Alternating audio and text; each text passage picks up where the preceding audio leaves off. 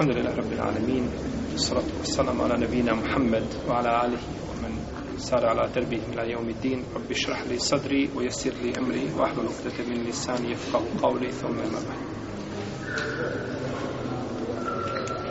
Zaista, draga moja braćo, poziv Allahu za uđel vjeru je najodgovorniji zadatak koji može biti u zemlji. Nema odgovornijeg zadatka i nema složenijeg i komplikovanijeg zadatka za čovjeka od poziva u vjeru. I zato čovjek da bi pozivao stvoriti u Tebarak je otala mora se obučiti. Mora znači biti obučen, mora biti spreman da podnese tu žrtvu, jer to nije jednostavna žrtva i to nije mala žrtva. A, I zaista kogod iziđe da poziva na Allahom putu, da poziva ljude, da pojažnjava Allahu vjeru, da poziva ljude u teohid, da poziva ljude i da im objašnjava propise, znači to je velika stvar. No međutim, prije toga mora se braćo čovjek obučiti. Ovo je stvar koju su nas poučili naši šehovi koji smo učili i koji su nam stalno ponavljali lijepo je da čovjek ima nijet da želi da pomogne Allahu vjeru, to je lijepo, no međutim to nije dovoljno. To je samo jedan korak, ta lijepa namjera, ta odluka. Lijepo je čovjeku da želi da pomogne braći muslimanima, to je lijep korak, ali da ga staviš ispred sebe i da mu otvoriš abdomen, ili u redu, i da mu izvršiš jedan zahvat hiruški, bio najmanji, ili najveći ne može bez znanja i ne može bez prakse i ne može bez iskustva i ne može i ne može, ne može. lijep nijet što želiš pomoći ne vrijedi jel u redu možeš samo napraviti gore nikako bolje stoga ako želi da uči znanje i da poziva ljude u vjeru Allahu te barake o teala mora učiti ilm ne vrijedi znači bez toga ne može koraka jednog napraviti naprijed da ljude pozivaš u teohide ljude pozivaš u obožavanje Allaha da pozivaš i u propise na osnovu čega mora biti kaže Allah, kaže poslanik i kažu ashabi. To je znanje bez koga čovjek ne smije izići pred grupu ljudi da govori. Niti smije poziva, smiješ pozivati ono što znaš od propisa oko kojih nema razilaženja. Poput namaza, posta zekijata, hađa, objasni zabranu alkohola, nemorala, ne znam kama te o tome. Stvari o koji se islamski učenci slažu pitanja koja su precizna, vezana za akajd ili su vezana za fik za propise ili za bilo što drugo čovjek ne smije govoriti osim ako ima pri sebi jake argumente i može to znači argumentirati i dokazivati. Ne, treba, ne znači da svaki čovjek koji govori mora biti alim vrhunskog ranga, ne, nismo to kazali. Zna, priča onome o čemu zna, ali mora imati nešto na računu. Protivnom ne može se govoriti o lahoj vjeru. Ne može se govoriti o lahoj vjeru. Tako da Allah nagradi našu braću koja se znači ovaj... Uh, došla ovdje da nas pohvale, da nam malo prašinu u oči bacije, da se ne bi ovaj, uzoholili. Ovaj, situacija nije takva situacija, je kudi kamo bolja u islamskom svijetu. Tamo se razlikuje odnosu na ovdje. No, međutim, mi smo, tu smo gdje smo. E, spomenuo je jednu stvar na predavanju, da danas nema kaborova i da nema obožavanja paganskih koja su bila ovaj, on će nama dozvoliti še da se mi razliđemo sa njim i da se ne složimo po tome pitanju da li se ima kaburova više nego možda što je bilo nekada davno. Kabur ovoga šeha, kabur onoga šeha, ljudi, po par miliona ljudi dolazi i tavafi oko kabura, oko Huseinove glave. I oko Bedeuja, i oko ovoga, i oko onoga, znači po džamijama, po stotine ljudi tavafi oko kaburova, toga ima danas i kako ga je bilo u prošlosti, a molim Allah za da to ne bude u budućnosti. Amin mi smo zadnji podošli do poglavlja min adabil ekl poglavlja koja govori o odnosno e, poglavlje koje govori o nekim e, adabima jela pa ćemo ovdje spomenuti e, skupinu adaba koji se tiču jela jer u njihovoj primjeni je oživljavanje sunneta poslanika sallallahu alaihi wasallame i na ovaj način se šeitanu zatvaraju putevi i vrata, znači da priđe čovjeku, a on je brižan da priđe čovjeku da učestvuje sa njim u jelu, u piću, čak i u odnosu sa ženom, pa treba znači poznavati ove stvari, jer kada čovjek šeitanu, kada šeitan priđe čovjeku, onda lahko može čovjeka zavesti, to tako? Dok mu je prišao, može ga, no međutim kada mu ne može prići, nema puta da mu se približi, onda je li i njegovo djelovanje opada i njegove mogućnosti da zavide čovjeka su kud i kamo, kud i kamo manje. Prvo, te smije to pa'am, da čovjek spomene Allahovo ime kada jede, da kaže bismillah, znači da spomene Allahovo ime kada se jede. Bilo imam Tirmizi, imam Ahmed, i Ebu Davud sa vjerodostojnim lance prenosilaca od Ajše radijallahu ta'ala anha da je poslanik sallallahu alejhi ve rekao kada od vas neko jede i da akala ahadukum falyakul bismillah i da akala ahadukum ta'aman falyakul bismillah fa in nasiya falyakul bismillah fi awwalihi wa akhirih kada neko od vas jede neka kaže bismillah ako zaboravi neka kaže je li bismillah na početku i na kraju ne misli da kaže na početku i na kraju neka kaže bismillah znači kada je čovjek rekao, bilo da se radi o početku i na kraju. I bilježi ima muslim od Huzefa radijallahu ta'ala anhu da je poslanik sallallahu alaihi wasallam rekao šeitan može jestahilu ta'am, može prići, postoji mogućnost, znači da jede hranu a, pri kojoj nije spomenuto Allahovo ime. I zbog riječi poslanika sallallahu alaihi wasallam Amru ibn Selemi kada mu je rekao ja gulam kul bismillah ja gulam bismillah wa kul bi yaminike wa kul mimma yalik o dječače a spomeni Allahovo ime spomeni Allahovo ime i jedi svojom desnom rukom ako zaboravi čovjek je li da spomene Allahovo ime kazaće bismillah fi awwalihi wa akhirih kao što smo kazali Drugo i treće, da jede da jede desno, da jede desnom rukom i da ne jede ispred drugih. Znači jede desnom rukom i ne jede ispred drugih. Jer je poslanik Salosarme rekao, kako prenosi Ibn Omar,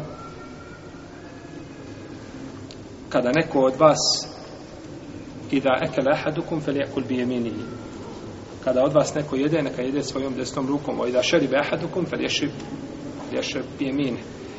A kada pije, neka pije svojom desnicom. Fe inne šeitane je kulu bijemini bišimalihi o ješrebu bišimali. Šeitan, znači, on pije lijevom i jede lijevom. Pa je čovjek obavezan da čini četiri stvari desnom rukom. Ostalo ne mora. Da jede, da pije, da uzima i da daje. Ove četiri stvari se čine desnom rukom. Ne uzimaš i ne daješ osim desnom rukom. Ostalo se može činiti lijevom, znači nije problematično. Nije problematično. I nema niko opravdanja da jede lijevom rukom da kaže ne mogu desnom. Nikakvog opravdanja nema.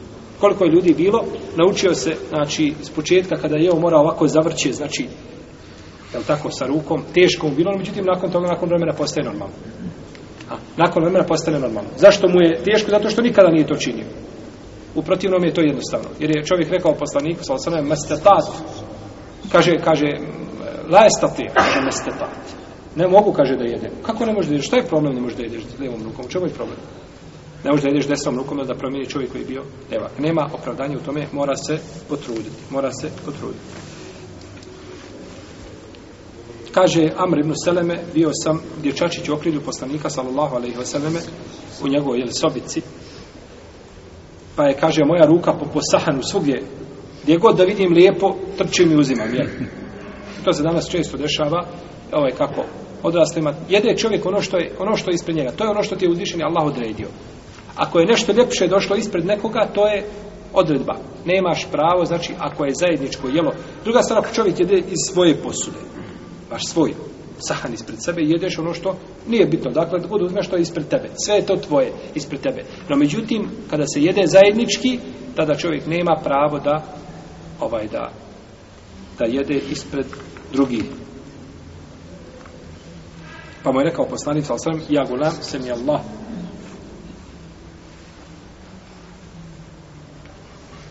Ja gulam, ja gulam, sem je Allah. O, o, dječače, spomeni, Allah, spomeni Allah. I jedi desnom rukom, وَكُلْ مِمَّا يَلِيكُ I jedi ono što je ispred tebe. Jedi ono što je ispred tebe.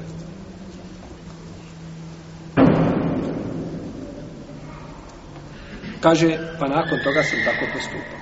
Nakon toga sam tako. Pogledaj, ovaj dječak bio, dječačić. I jedan put mu rekao poslanik, sam šta kaže, nakon toga sam tako postupao. I braće, osnova je kada čovjek čini grešku i nekoga upozori, da se više o toj grešci ne pita i da se više ta greška ne ponavlja. A, da se ponovi nakon toga i zaborava, svakom se može desiti. Međutim, osnova je da se čovjeku ne ponavlja jedna te ista stvar više puta. Neko te opomenuo da ti se vidi leđa na sečti. Ne treba svaki put kada klanjaš da neko dolazi da te dira u rame da kaže brate vidjeti se leđa i ono što je niže, niže od leđa čuvaj svoj namaz. I nemoj kvati namaz onima koji su za tebe njiho i, i nemoj njih dekoncentrisati. Tako znači da je osnova da se ljudi... I onda tako idemo vraća naprijed. Tako idemo naprijed. A u protivnom uvijek tapkamo u mjestu i učimo se istim stvarima i istim greškama se vraćamo i ovaj nema na takav način nema napred. Četvrta stvar da se jede sa krajeva posude. Da se jede sa krajeva posude. Da se ne jede sa sredine na sredini sa sredine. Došlo je u Hadisu Ibn Omara, kod Ebu Davuda i Ibn Mađe i kod imama Ahmeda sa dobrim lancem prenosilaca da je poslanik sa Allah rekao znači u Hadisu Ibn Abbasa kaže se el bereketu tenzilu fi vasate ta a bereket se spušta na sredinu hrane. Znači imamo posudu jednu veliku, sve idemo zajednički, bereket dolazi na sredinu i onda se širi po posudi, je tako? Dolazi bereket. No, međutim, ako jedemo sa sredine, ako pojedemo to sa sredine, pojeli smo, uzeli smo, znači, bereket, skratili smo sebi bereket. Vola te kulu mim osatihi, nemojte jesti sa sredine, znači. Fekulu min hafetej, već jedite sa strane. Dalje je da čovjek ne jede u položaju gdje je naslonjen, znači na stranu,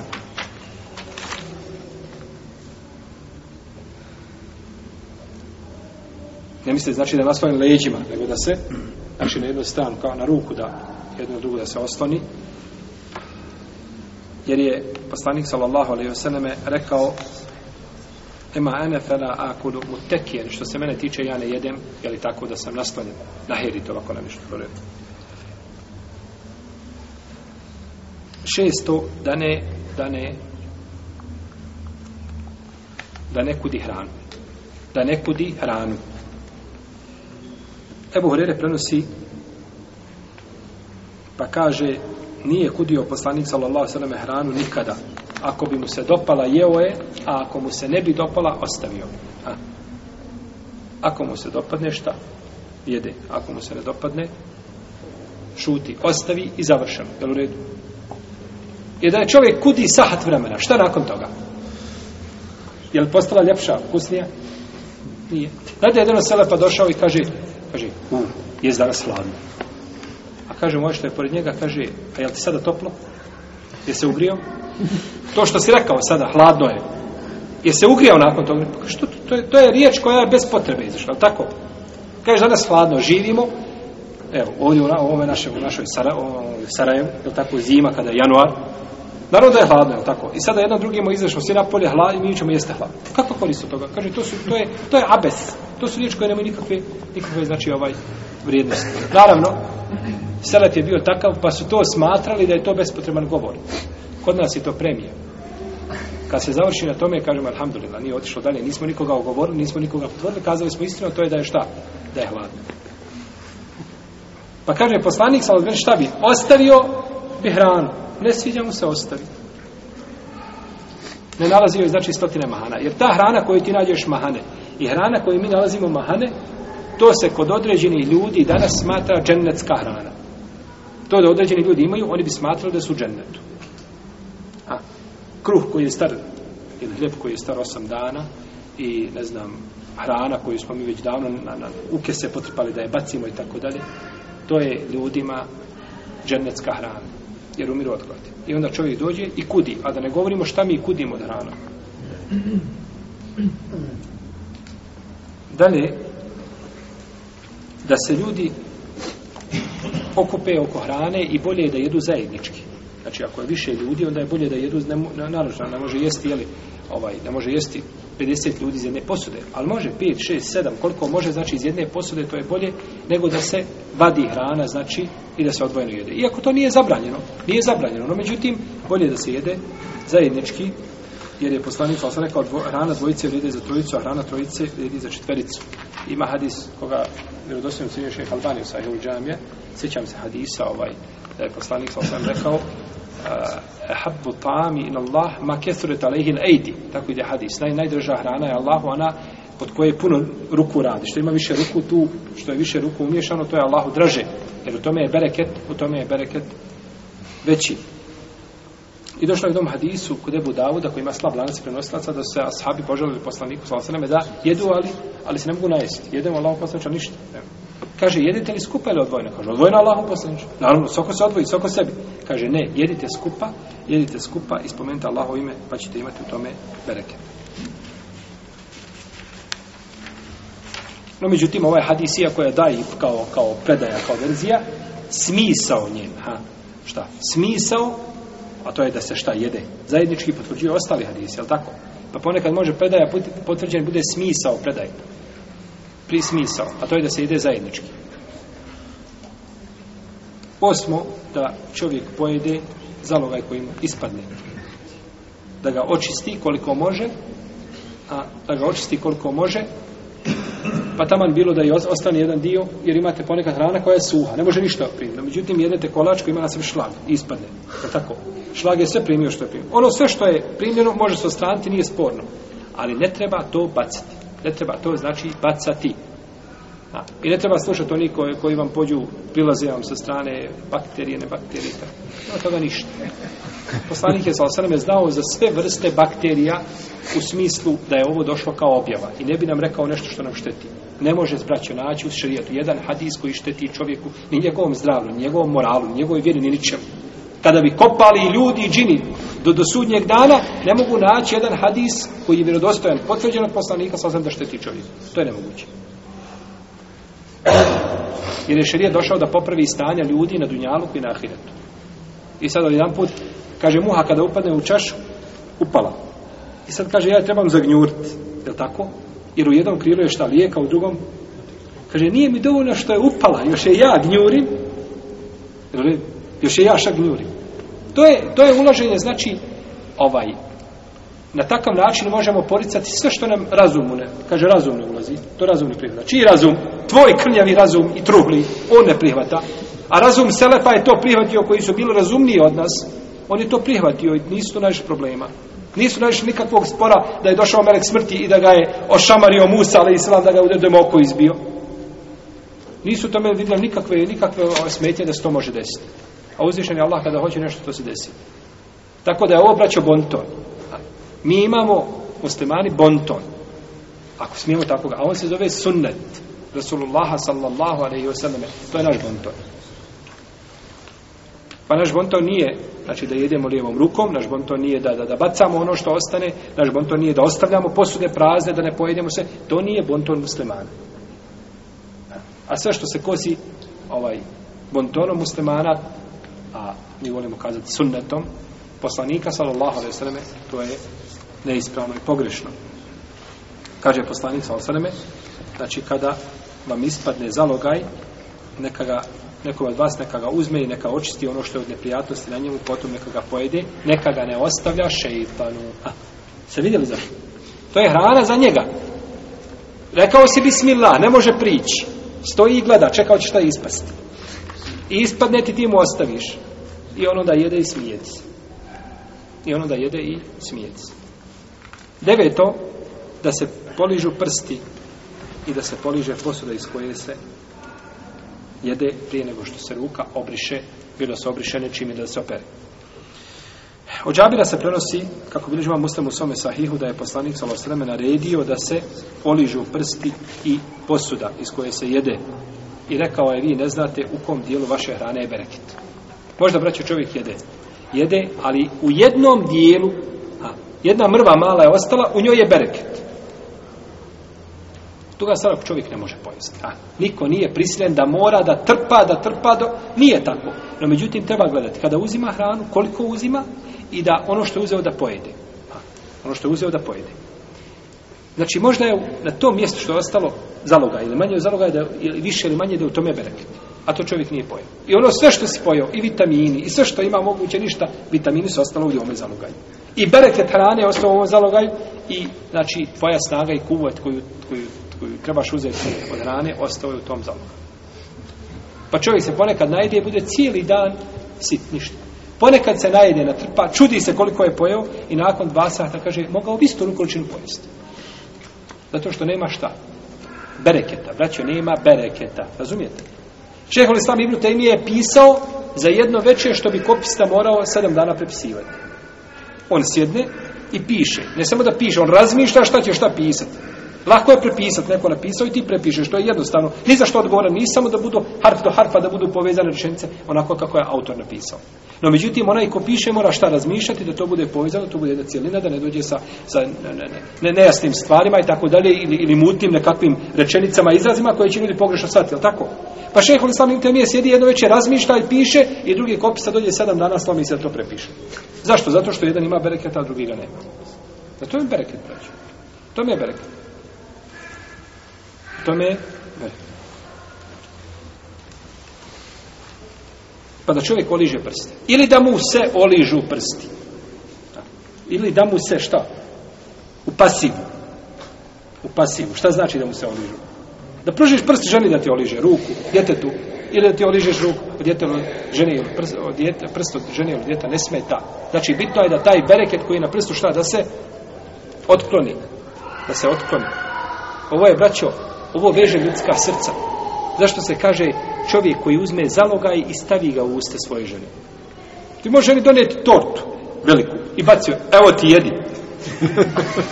tako? Moraš uzeti kupiti djetimu, košulju malu i baciš me sa po metra. Evo ti košulja nova bucija.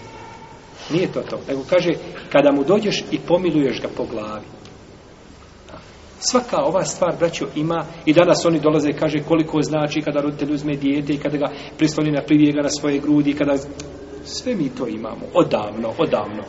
Sve je to došlo odavno, znači ti dodir i tako dalje, pop, dodir kada se rukuju dvojica muslimana, pa kada se uzmu za ruku, pa kada stisnu jedan drugom ruku, znači da, da, da padaju grijesi sa njih kao što pada suho lišće sa drveta, kako je došlo kod tabaranije u srednjem ođemu i tako dalje.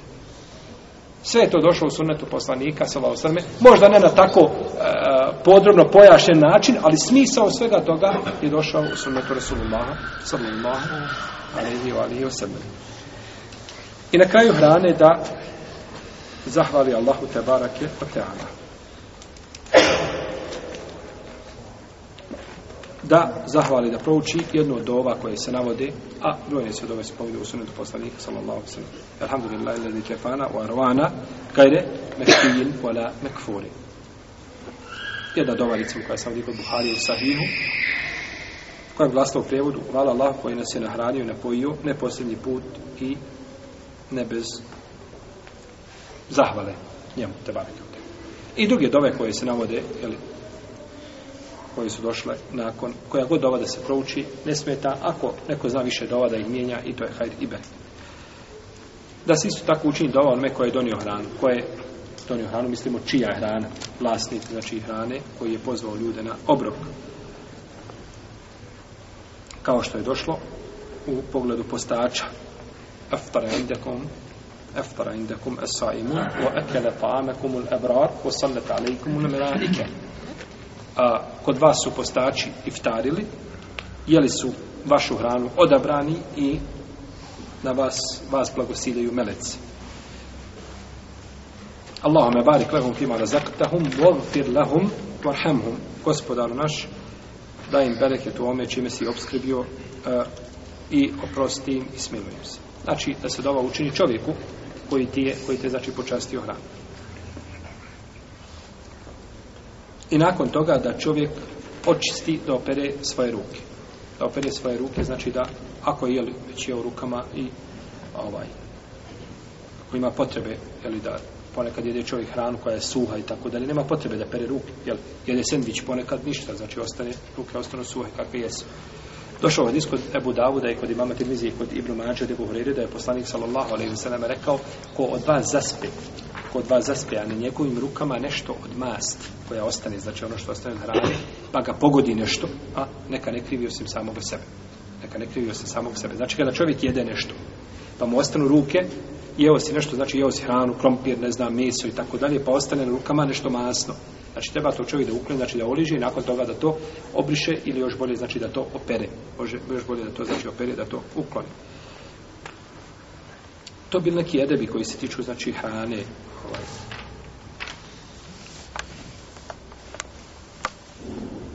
Nema ništa što ukazuje da ruke treba prati prije jela.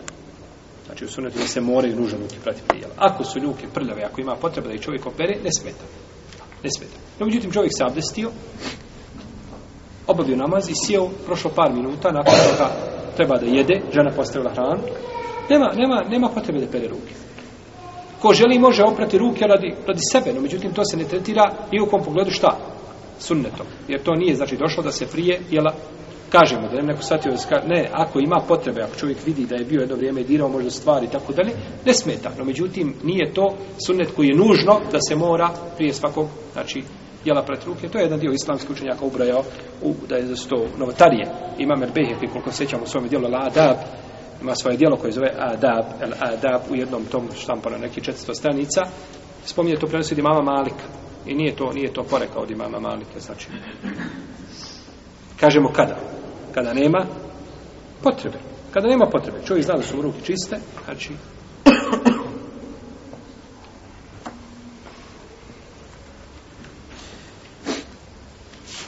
Poglavlje Sajdu Ahkam, poglavlje Lova, i propisi lova. Lov i propisi lova. Kada kažemo sajd, on može, lov znači, on može u arapskom jeziku označavati dvije stvari. Može označavati a postupak, jeli, sam lov, kako čovjek dolazi do životinje, da je uhvati, bilo živu ili da je nađe mrtvo ili redu, nakon što je pogodi. I može označavati sajd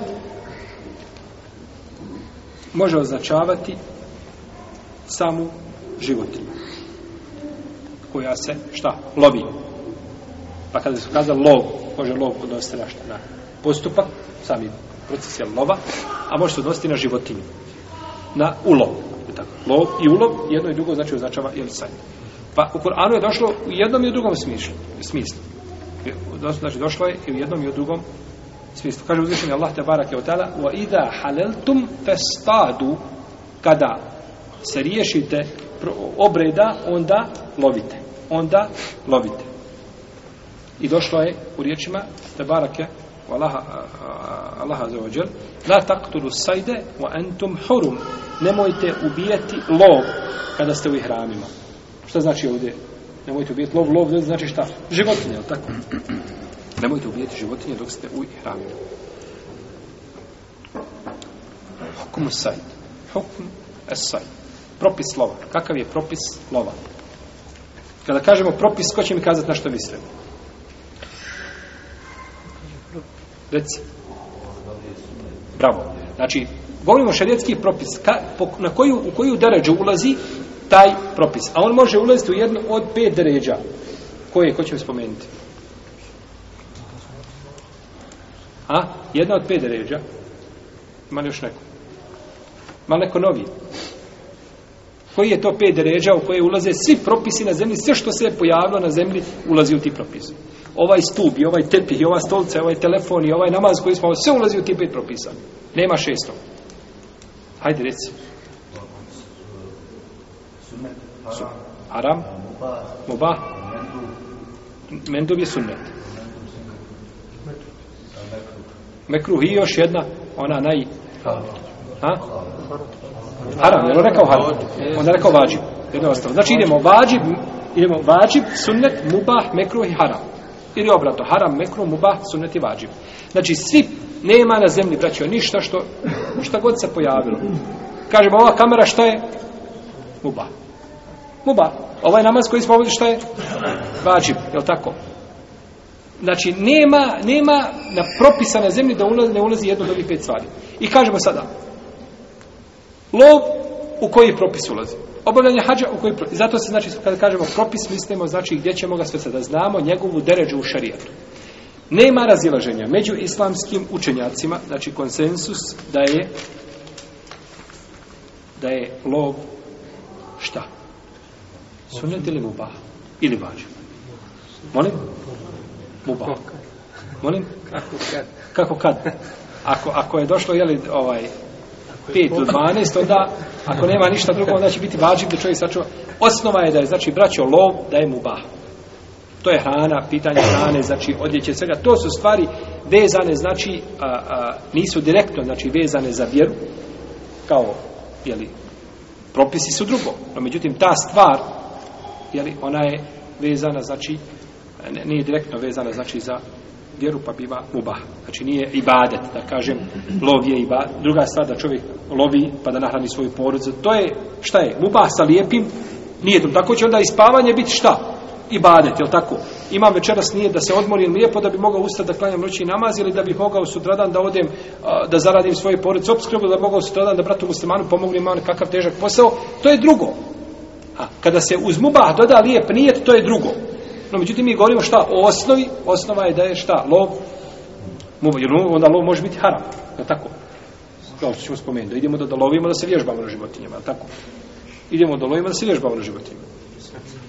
I slično tome, znači može biti i, može biti i haram. Uzvišen Allah te barake od tala kaže Uhellu lakum sajdu l-bahri wa ta'amuhu meta'an lakum wa risijamu. Wa hurrime alaikum sajdul berrima dumtum horuma. Vama je dozvoljeno da lovite u moru i ulov jedete i da se njime vi i putnici koristite. A zabranjeno vam je da lovite na kopnu dok ste u obredima. Zabranjeno da lovite u kopnu. Znači možemo loviti šta? Usput kad budeš dole i išao ono negdje preko mora da onako zahvatiš možeš loviti, je li tako? A ne smiješ loviti šta? Na kopnu. Ne smiješ loviti na kopnu.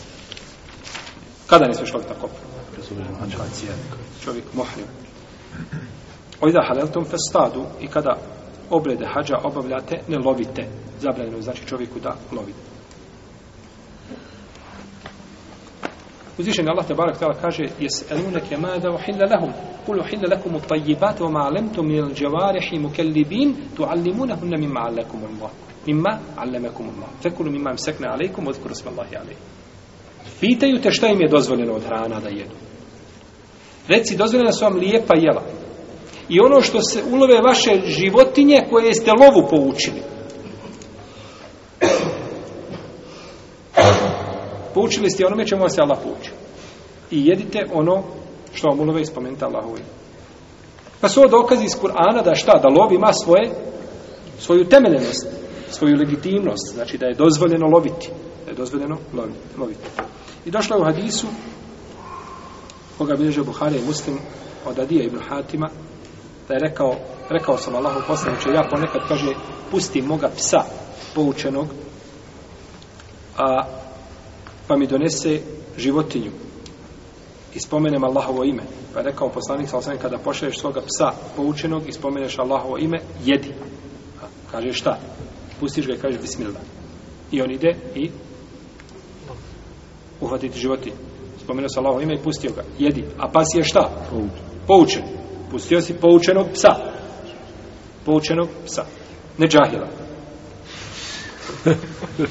kaže wa in katelne ja Rasulallah kažu i ako ubije Allaho posneće ako on ubije taj sad pas ti si uzeo šta pogodio si psa čime prčkom tako o, pogodio si zeca bravo pogodio si zeca prčkom i zec je pao jel u redu ja bih rekao onim oružjem ali ne smijemo to spominjati nema smisla jer imat ćemo problema. Ali tako, musliman danas ne smije imati pri sebi, znači, ni lovačko oružje. Molim te, sve što imaš, predaj, to ti je najsigurnije.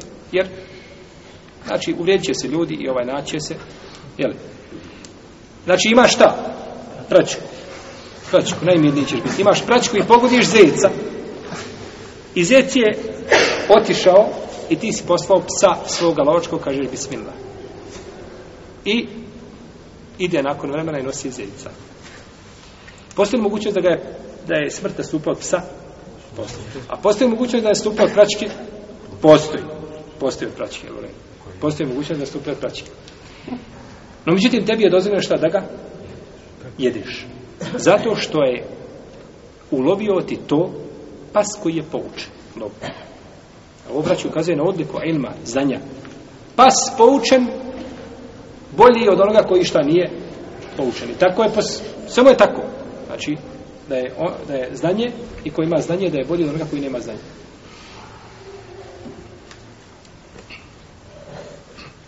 Jest. Kaže, vojn katelne, ja Rasulullah, i ako ubije pas, ako on, kaže poslanik, salo sveme, o in katelne, sve dok ne bude bilo sa tvojim psom drugih pasa. Sve dok ne bude bilo sa tvojim psom drugih pasa. jer ti si poslao svoga psa i znaš da je poučen i da si kazao šta, bismillah. A za druge ne znaš, odakle je taj, odakle se on rodi, odakle je on došao, ne znaš, je tako? Čiji je, nemaš pojma. Pa se ne može, znači, u tom slučaju jesti. Kaže, šta ako ga pogodim sa el mi'arad? El mi'arad, to je, znači, kao koplje koje na vrhu ima drveno, koje na vrhu ima željezo. Znači, šta ako ga pogodim tim kopljem Allahog poslaniče? Kaže, rekao je poslanik sallallahu alejhi ve selleme, ako ga probodeš, jedi. A kaže, ako ga pogodiš poprečno nečim, a, onda nemoj jesti. Jer je to šta? Onda je to leš jeste. Ali smo spomljali one četiri vrste. El munhanikatu, el maukuzatu, el mutaradijetu, el natiha. El munhanika je ona koja se udavi. Al-Mawkuza. Ona koja je udarena tupim predmetom. Wal mutaraddiya to je ona koja se strovali sa brda. Wal natiha to je ona koja bude pogodena sa od druge životinje koje probode. Pa je ova al maukuze zabranjena, to je znači ubije kamenom je. Kazali smo kada ganjaš pile pa ga pogodiš čime? Kamenom. Ili ganjaš zeca pa ga pogodiš kamenom. Jel u redu? Znači, to nije lov. Možeš kazati, ja sam kamenom pojel. Nego, nego ono što lovi mora da biti da probada, da ranjava. Jer ono što probode, to šta? To pusti krv. Kamen udariš mu leđa, slomiš mu kičmu i leđa i sve, no međutim šta? Životinja i dalje, znači slomljena šta i umire, ali nema znači otvoreno da izlazi šta? Krv, to nije lov, to je znači, to je ubistvo tupim predmetima. Znači ništa, braći.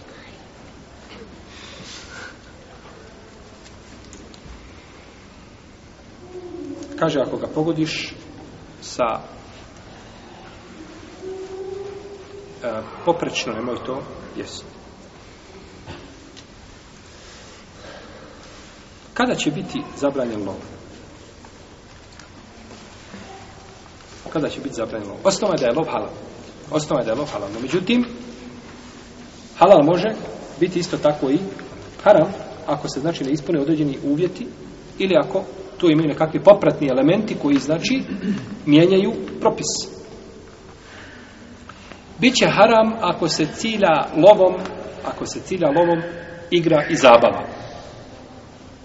Ubijanje vremena. Ono što ljudi kažu, ubijam vrijeme.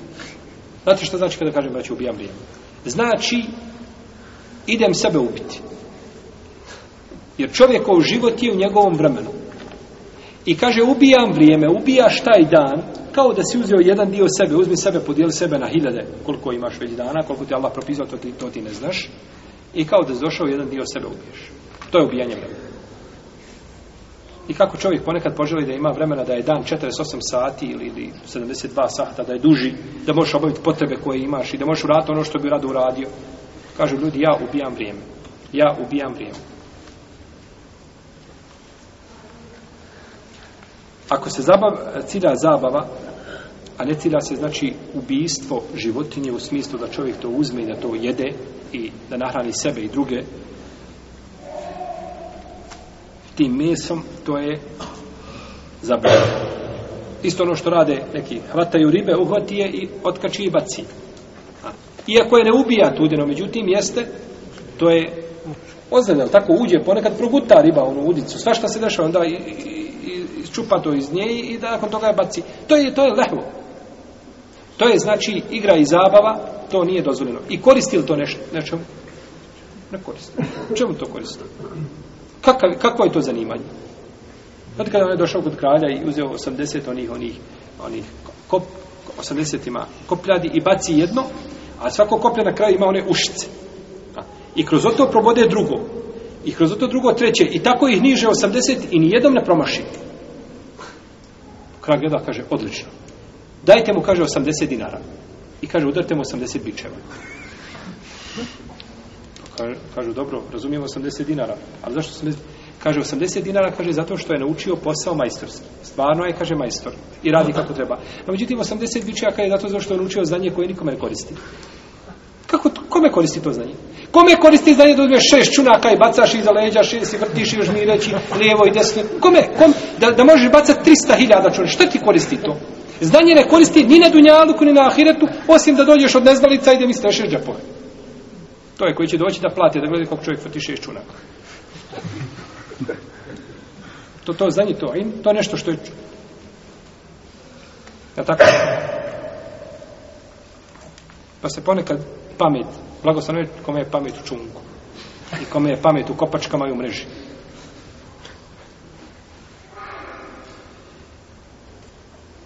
Kazali smo da nije dozvoljeno šta?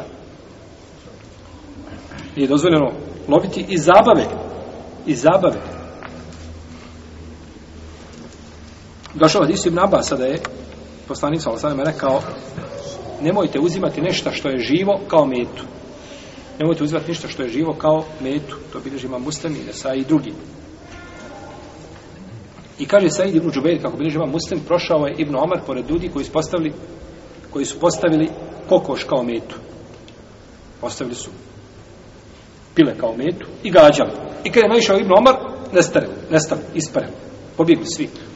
Kaže, ko je ovo uradio? Kaže, poslanik je sam sam prokleo onoga ko ovo radio proklao onoga. Znači, meta se može postaviti ako već čovjek vježba gađanje, strelom ili nečim, ili oružjem, nije bitno. Jel? Postaviti šta metu? Znači, nešto što je ovaj što se može gađati, al tako? Drvo i o tome, a nikako postaje znači živu, živu je li ovaj kažemo metu je li kad zgađa vatrenim oružjem tamo iz negdje u streljani gdje je dozvoljeno, gdje ima dozvola za gađanje i tako dalje da ne bismo bili prozvani koga vi to pozivate da ide vježbati negdje gađanje. Jer danas je, braćo, danas je riječ i etiketiranje i, i, i, i napumpavanje stvari moda. I napumpava se terorizam i terorizam i ubost i terorizam i svugdje terorizam, nigdje ništa, petarda nigdje nije opalila. Petardu nismo čuli nigdje, a uvijek nekakav terorizam i nešto se pumpa i nešto se prikuplja i neko nešto radi iza leđa i neko nešto muti, planira i scenira i tako, a nigdje ništa nema. Pa stara mu majka mora jedan put, znači nešto, mora sitnica nekakva biti, jel? No, međutim, ovaj, cilj je masama, jel, mazati oči. Jer se tako onda najviše sa njima manipuliše. Kaže, prokleo je poslanik sa osvajem onoga ko ovo šta radi, ko postavi, znači, živu, znači, jel, ko postavi nešto što ima dušu za metu.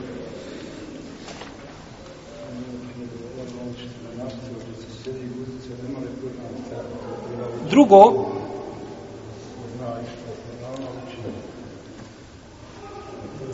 da bi od uslova, da bi znači lov bio ispravan, jeste da čovjek koji lovi, znači nije muhrim, bilo da se radi o hađu ili umri. Jer haram je njemu znači da lovi. Takom šta nije dozvoljeno da lovi. Pa hodeme alejkum sajdul berri ma dumtum huruma. I vama je zabranjeno, zabranjeno je ovaj kopneni lov, na kopno da lovite, dok ste u ihramima. I o ovome smo govorili u poglavlju hače. Sjećate se. Smo govorili, znači, o tome, znači, o lovu. Tamo kada se spominjali, znači, predaje pa da je dozvoljeno onome koje sa ljudima, a nije muhrim, pa on ulovi, a oni mu ne pokažu i nisu mu dali strelu red. Znači, to je vezano za lov muhrima. Znači, da bi lov bio halal, šta da bi, ono, ulov da bi bio halal, mora biti šta ispuni šartu. Jedan šartova jeste da čovjek koji lovi nije šta? Nije u ihramima. Da nije u ihramima, to jeste da nije u obredima. A, isto tako, zabranjeno je loviti u haremu ono poglavlje onaj prostor što je zaštićeni prostor zove harem da tako sveti prostor u njemu je zabranjen šta lov znači to je vezano za znači Meku i Medinu i o tome smo isto tako govorili nešto spomenu pro poglavlju hadža i četvrta stvar zabranjeno je loviti nešto što je vlasništvo drugog čovjeka Zec u gori je vlasnik onoga komu prvi dođe. Koga prvi vidi, jel To je njegovo. Kao što je prvi saf. Prvi saf je onome, ili opće mjesto u džami, onome šta ko prvi dođe. Tako i ulov. No, međutim, čovjek ima životinje uzgaja. Komšija ti, negdje tamo ima lijepe jelene. Uzgajaj, ograđeno sve, i ti dođeš išome. I... Kažeš, pa komša, ovo je lov. Lov je ovo, tako? Ko prvi dođe, to je njegov. Nije, to nije, to, to, je, to je čuvana životinja i to nije tvoje vlasništvo. To nije tvoje vlasništvo. Prema tome čovjek nema, znači, pravo da to lovi. Znači, mora biti to što se lovi slobodno. No, međutim, ako ima nešto što je ili zaštićeno, odnosno da je vlastištvo nečije lično i da to onda love, to je neopravno, znači da se lovi. Ja neću govoriti, neću kazati da je haram da čovjek ulovi šarijatski. Nešto što je zabranjeno loviti u vremenu kada zabrane institucije, jer u redu za lov. Pa vrijeme, znači period kada životinje nije dozvore što da se love. No međutim, nećemo kazati da je to haram šarijatski, znači ovaj, a, meso jesti ako se ulovi. No međutim, nije ispravno tada loviti vraću. Jer to kada je došlo vrijeme zabrane lova, došlo je šta? S ciljom, s razlogom. Znači, tada ima, znači, mogućnost istrebljenja tih životinja. I to treba poštovati. Znači, to treba, jer to su stvari koje se zovu, to mi braća semafor na ulici. Semafor je postavljen radi čega? Radi opće koristi, radi javnog interesa. Na ovakav način ćemo iskorijeniti, znači, bitno je čovjeku, ja ću to uloviti, ja Ne, ti ako uloviš, više nisam u pitanju ti, nego u pitanju cijelo društvo. Te životinje, znači, imaju, mora da imaju, moraju imati svoj period šta, kada se razmožavaju i kada se omogućuje, omogućuje, sada ćeš loviti, nakon toga nećeš nikad više loviti. Tako da to treba poštovati. Kada je znači zabranjeno, znači zakonski da se lovi, treba to poštovati, treba to uvažiti, jer to je opća korist javni interes, to se zove el masaleh, el mursele, javni korist ili opća interes, ili opći interes, a to je jedan litvora šarijata. Znači, budući da u širijetu nema nikakve zabrane, jeli, da, da, da, da u jednom periodu, znači, bude zbog, a, zbog određenog razloga, jeli, da bude zabranjen, bude zabranjen mak. Thank you.